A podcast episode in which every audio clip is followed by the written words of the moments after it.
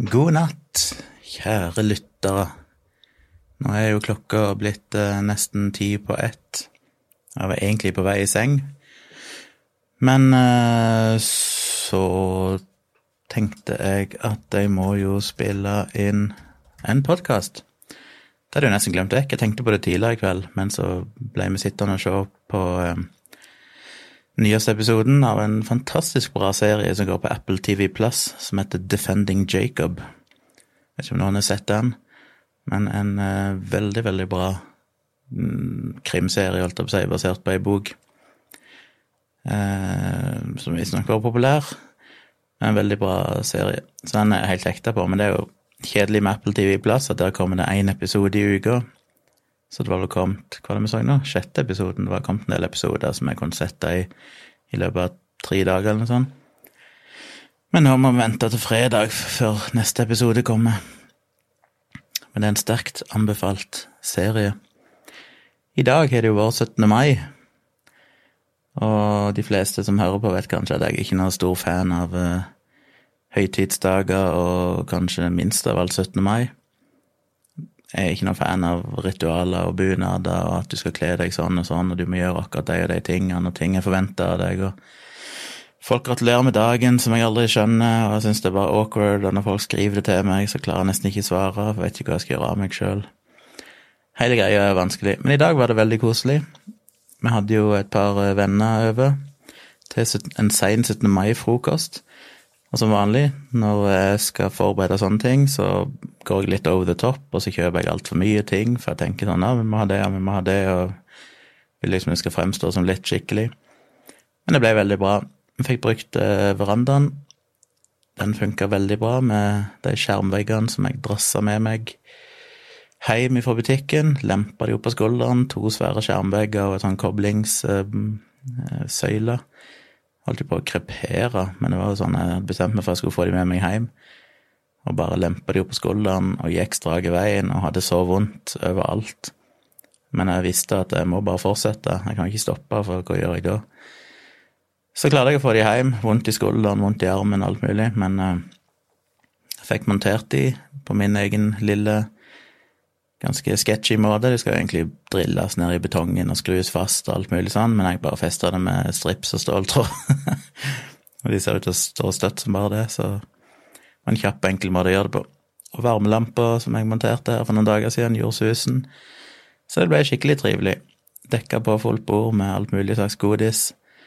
Og satt og koste oss noen timer ute før det begynte å blåse ganske kraftig og ble litt sånn kaldt, så da trakk vi inn og satt der litt, og så Så gikk de etter hvert. Det ble en veldig trivelig dag. 17. mai for meg har jo alltid vært spesiell. Jeg var jo i korpset da jeg var liten, men jeg var en sånn fyr som eh, hadde en tendens til å slutte i korpset 16. mai, fordi jeg takla ikke Jeg tror jeg har vært i korpset i flere år, men jeg har aldri spilt i korps i et tog.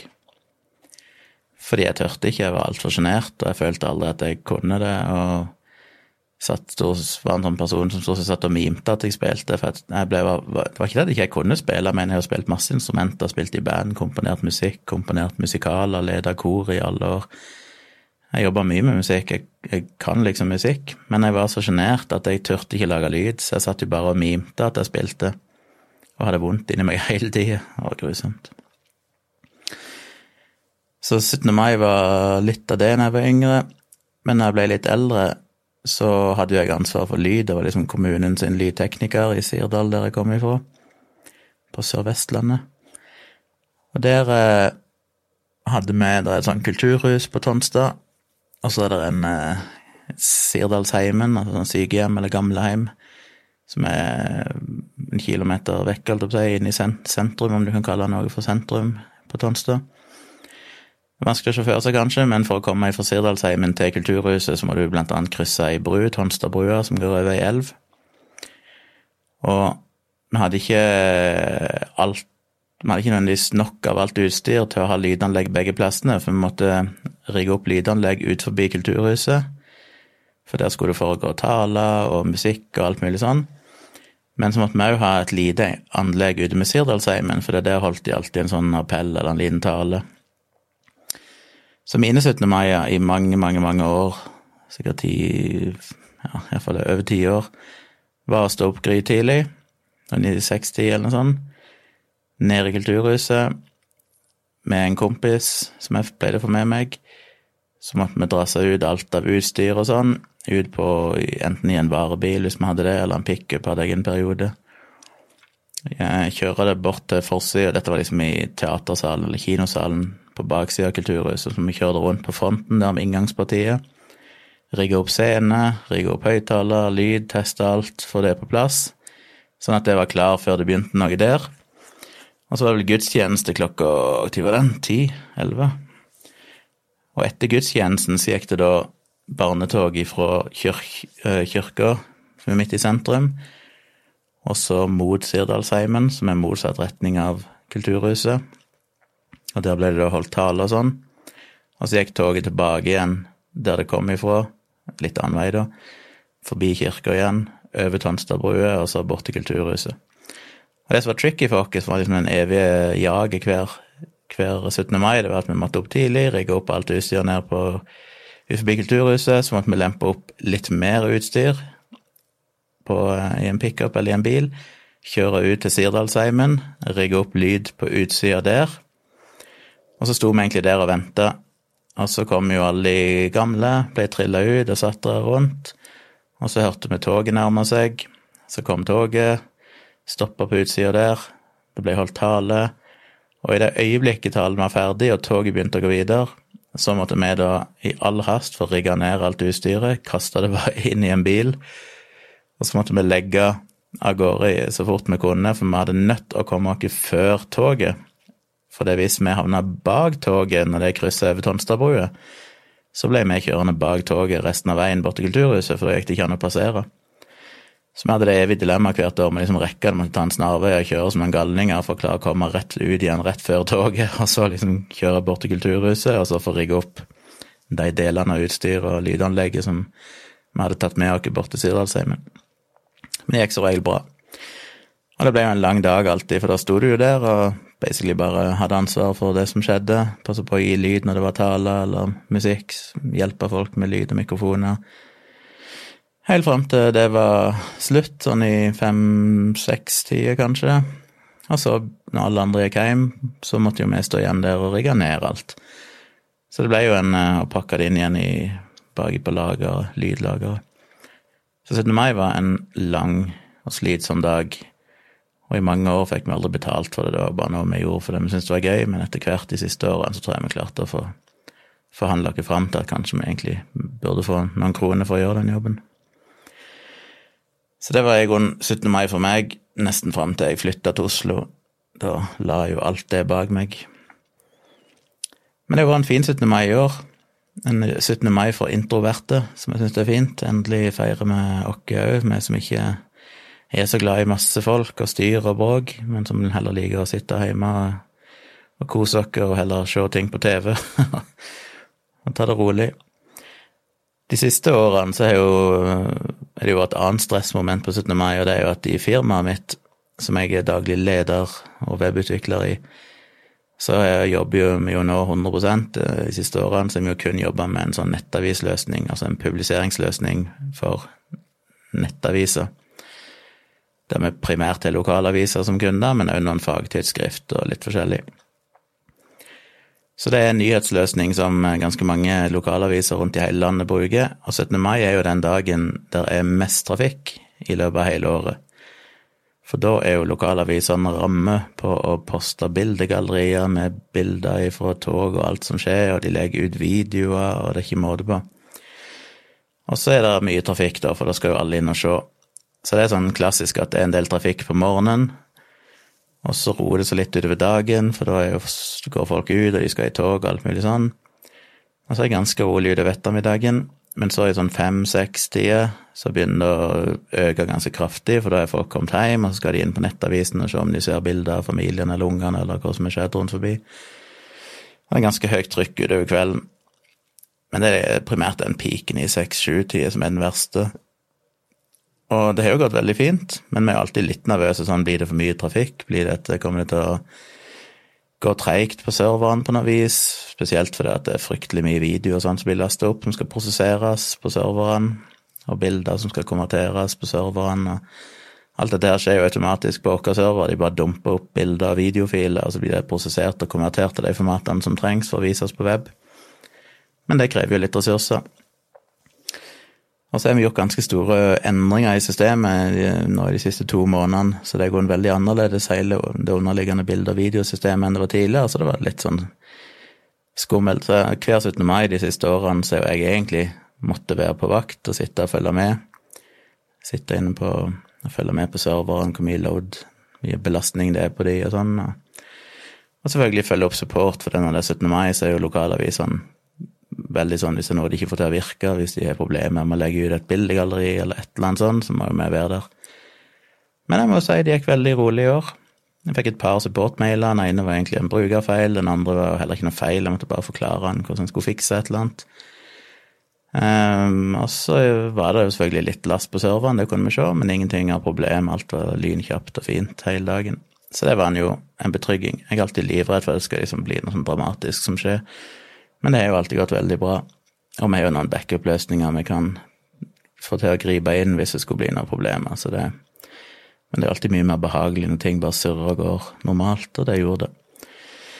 Så 17. mai har alltid vært en jobbedag for meg, enten det var lyd eller uh, IT, lokalavis, føler de siste 20, ja, 25 årene, så har 17. mai vært en dag der jeg er på vakt og jobber i en eller annen sammenheng.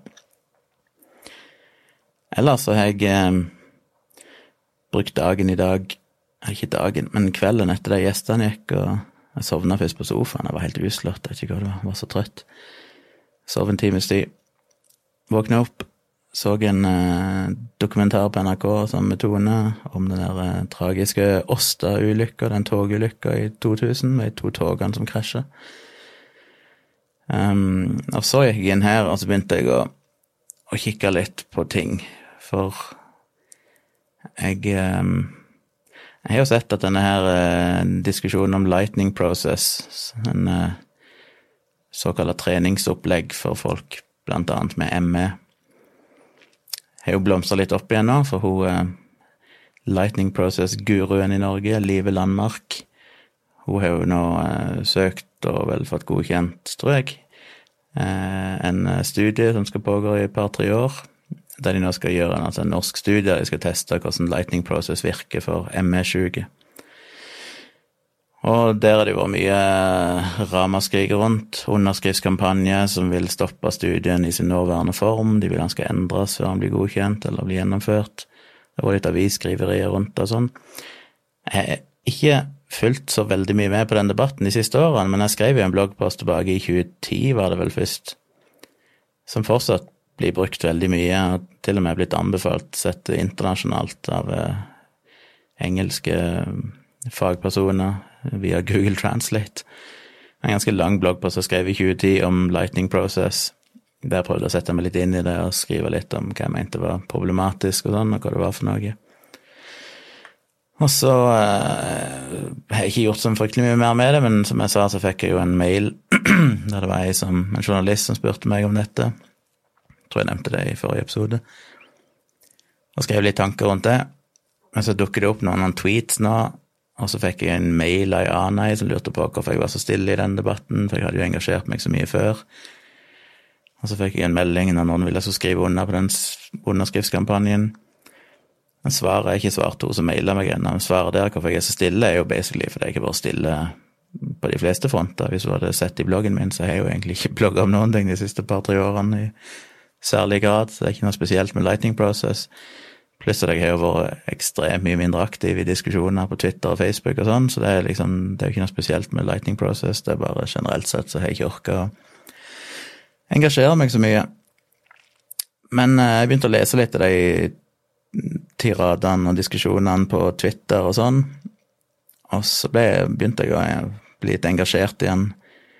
Og jeg begynte på et, et sånn liste med notater med linker til studier og diverse sånn som eh, jeg har lyst til å se om jeg kan lage en liten video om. Jeg har litt lyst til å på en måte bare prøve å rydde litt opp i den debatten. Iallfall si hva jeg tenker rundt det, så balansert jeg kan. Eh, så jeg får se om det blir noe. Men det er litt sånn med alle de her tingene. Det er sånn Jeg kommer alltid på jeg har lyst til å lage en video om det, og så begynner jeg å researche, og så tar det så mye tid. For jeg klarer ikke så bare lage en video og synse om et eller annet. Jeg må liksom sette meg inn i det, og det krever fryktelig mye tid, og så blir jeg litt sånn åh, men hvordan skal jeg klare å strukturere alt dette? Det var lettere i en bloggpost i den forstand at da dreide jeg litt i hvor lange de ble. Noen ble jo dritlange, men da alt stoffet jeg hadde, det liksom ble jo bare systematisert og skrevet ut. Men i en video så er det både mer krevende å snakke, og så blir jeg alltid litt redd for lengden, for blir de for lange, så gidder ikke folk å se de. Og tida går forferdelig fort når du sitter og snakker en video. Det gjør du her òg. Nå har jeg brukt et kvarter og føler jo knapt jeg har begynt på denne podkasten. Altså, men jeg føler ikke jeg har sagt noen ting omtrent av særlig innhold, så har det gått et kvarter. Så det er jo det som er livsfarlig med en video òg, at du kan Ja, det er derfor noen av videoene mine, eller flere av de, både den om Snåsamannen, den om eh, vaksiner, den om eh, Smittestopp-appen, har jo endt opp med å bli sånne mange episoder. Sånn seks episoder, eller ti, elleve episoder når det gjelder Snåsamannen. For jeg tror kanskje det er lettere for folk å fordøye korte episoder Eh, flere korte episoder enn én en lang video. Så jeg vet ikke. Og så er det meg sjøl som er min største fiende alltid, at jeg setter liste for høyt, legger liste for høyt. Egentlig så burde jeg jo bare kunne skru på kameraet og så bare sitte og prate, for jeg klarer jo det her i podkasten, og i dialogisk så kan jeg sitte og rante om ting, men jeg får liksom sånn press når jeg skal lage en video sjøl. Jeg føler at det må være sånn dung, dung, dung, veldig sånn eh, kjapt og presist, og kan ikke si noe feil. og så det jobber jeg litt med, se om jeg klarer å senke terskelen litt og heller bare spille inn en video. For jeg har jo masse på hjertet om det. Men får se. Jeg rekker det neppe i morgen, for da blir det en full jobbdag, altså det er dialogisk. Men jeg håper jeg får det til snart. Jeg har snakka med dere tidligere om andre ideer jeg har, som jeg heller ikke har fått gjort, men jeg har på en måte skrevet ut eh, masse punkter og litt tanker rundt det, så det er jo ting som ikke er forsvunnet. Jeg må bare liksom motivere meg og finne tid. Så håper jeg å få gjort noe ut av det. Så det er jo et spennende tema med lighting process. Det, er, det, griper inn på så mange områder, og det er så mange parallelle debatter som foregår, som der det er på en måte legitime argumenter på begge sidene. og det er, det er lett å forstå at det blir grumsete for mange, og det er veldig sterke, steile fronter. Så det er litt spennende å, å gå inn i. Og så jeg jo eh, hadde jeg tenkt å lage en liten video, det er mulig jeg fortsatt gjør det, om ytringsfrihet. For dere vet ikke om dere så at Dag Sørås posta jo et bilde av en sånn helsides annonse i Dagsavisen, hadde vel, som Folkets strålevern hadde fått på trykk, da de advarte om mobilstråling, og spesielt 5G. Og Dag gjorde jo et nummer ut av at eh, Dagsavisen tydeligvis tok penger for hvem som helst. Det er jo interessant, for det Folkets strålevern prøvde seg jo på en sånn reklamekampanje i fjor, var det vel, eller forfjor på sånne tavler og TV-skjermer rundt på Oslo S, blant annet. Og jeg husker jeg så de og fikk helt sjokk. Jeg gikk, for jeg gikk, når jeg hadde kontor der nede, men nå har jeg sagt opp, men da går jeg gjennom Oslo S når jeg begynte på Tøyen, og så gikk jeg på Tøyen og gjennom Oslo S hver dag. Og så plutselig de der fuckings reklamekampanjene jeg sto, jeg måtte bare stoppe opp og ta bilder av de og sånn. Og heldigvis så ble det jo en saga av det, altså de der JC Decaux, eller hva det heter, DECAUX det reklamebyrået, eller de som står for de tavlene. Det er jo ikke et reklamebyrå, kanskje, men det er de som organiserer de reklamekampanjene, altså selger de reklameplassene, tror jeg.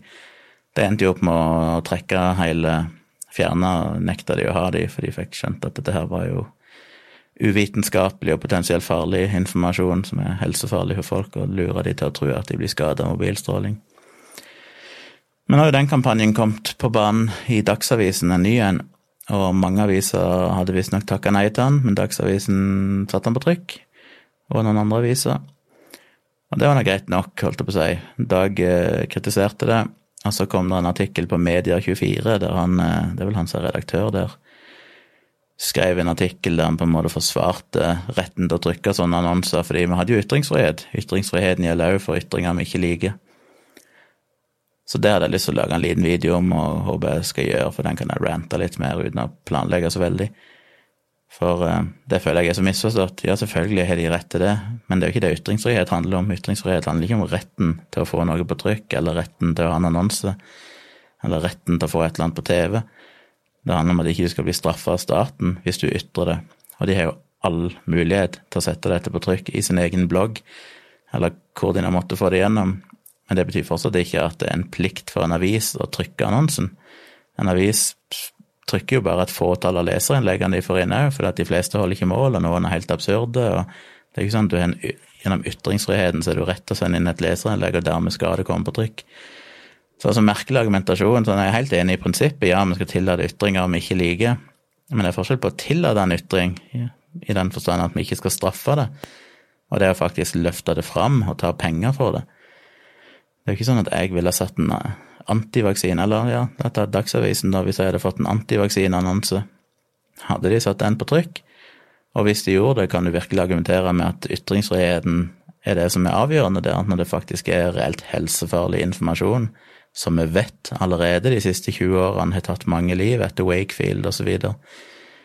Um, eller for å trekke det enda lenger, hvis det var en reklame, holdt jeg på å si, der nynazister en av de norske nynazistgruppene promoterte seg og ville ja, et eller annet budskap som de klarte å pakke inn så de ikke brøt loven ved å være rasistisk, men allikevel var, inn, men allikevel var åpenbart nynazistisk, ville det liksom være greit å sette på trykk. Jeg støtter deres rett til å ha sine egne tog og demonstrasjoner, men jeg støtter ikke Altså, jeg støtter jo retten til en avis å trykke det, men jeg støtter ikke retten til at de skal trykke det og ikke bli kritisert for det. Eh, så det er liksom et eller annet med det. Det er så misforstått det med at fordi med ytringsfrihet må vi tåle alt. Ja, vi skal tåle det i den forstand vi skal ikke straffe det, vi skal ikke fengsle de som står bak, eller gi de bøter.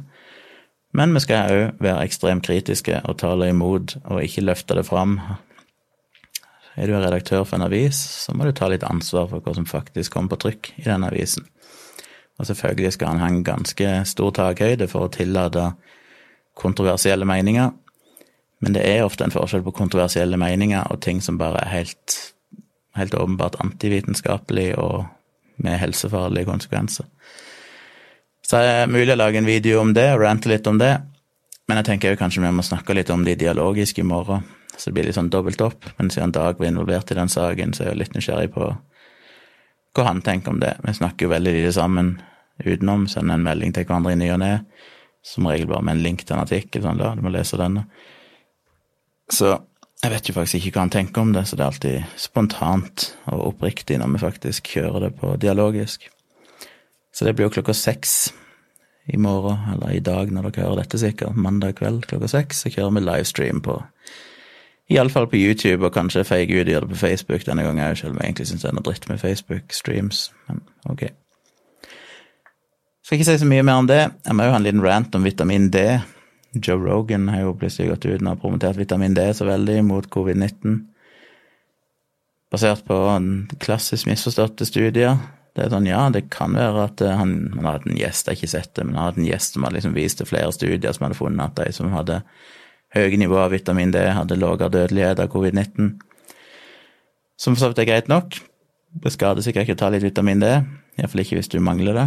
Jeg tar sjøl vitamin D daglig, fordi jeg har som regel vitamin D-mangel.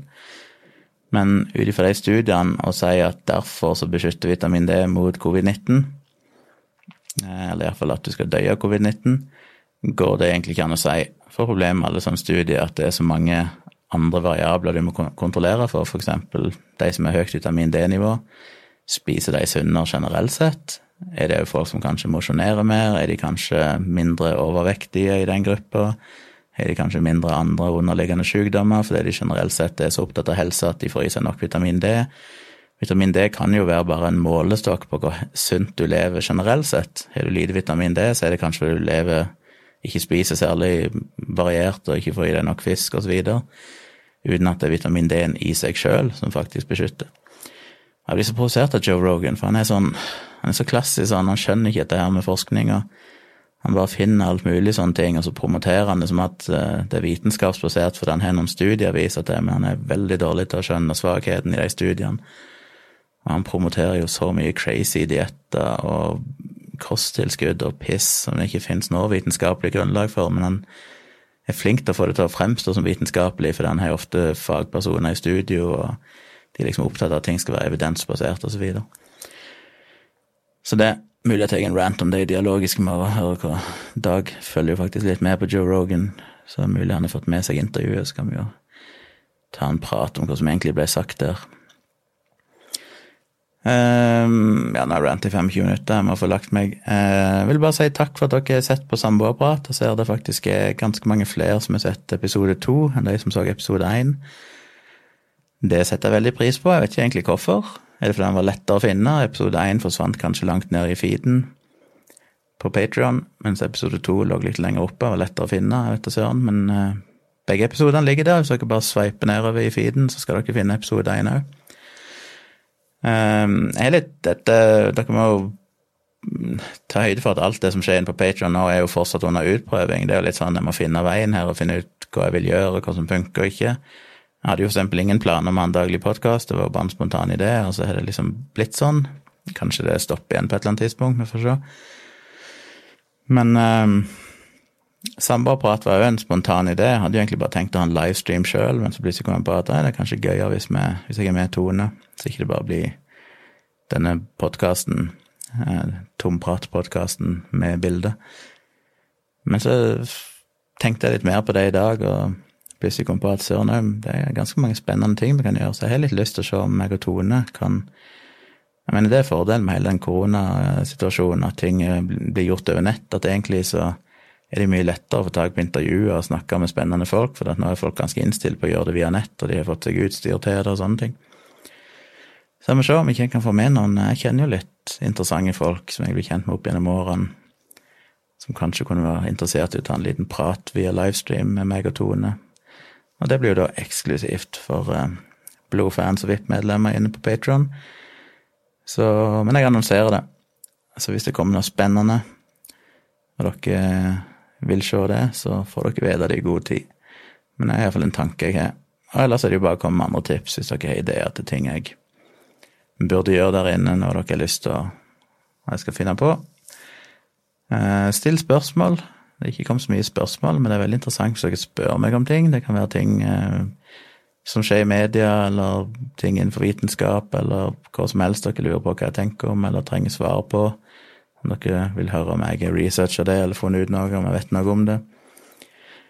Det syns jeg er veldig gøy, for da er det det er gøy å liksom få konkrete spørsmål som det går an for meg å finne litt ut om, og så kunne snakke om det her i podkasten eller på livestream. Og Det går som sagt an å sende meg både privat, hvis ikke dere vil skal offentlig, kan dere sende meg melding inne på Patrion, eller dere kan skrive det som en kommentar under podkasten eller et eller annet annet sted. Så sånne innspill setter jeg veldig pris på. Så det var vel det jeg hadde å si. Jeg håper dere har hatt en eh, fin 17. mai. Nå er det vel brutalt og hardt og brutalt tilbake igjen til hverdagen. Så håper dere hatt det fint. Jeg håper dere syns det var ok å høre på. Det er enten å bli en halvtime, nå merker jeg på disse podkastene. Det ble det jaggu meg i dag òg. Men det er jo fint at det blir litt lengde på det. Så takk for at dere hørte på, takk for at dere støtter meg.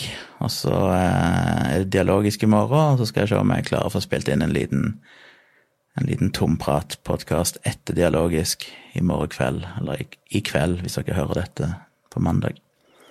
Så vi snakkes og høres. Har du et enkeltpersonforetak eller en liten bedrift? Da er du sikkert lei av å høre meg snakke om hvor enkelt det er å sende faktura med fiken. Så vi gir oss her, fordi vi liker enkelt. Fiken superenkelt regnskap. Prøv gratis på fiken.no.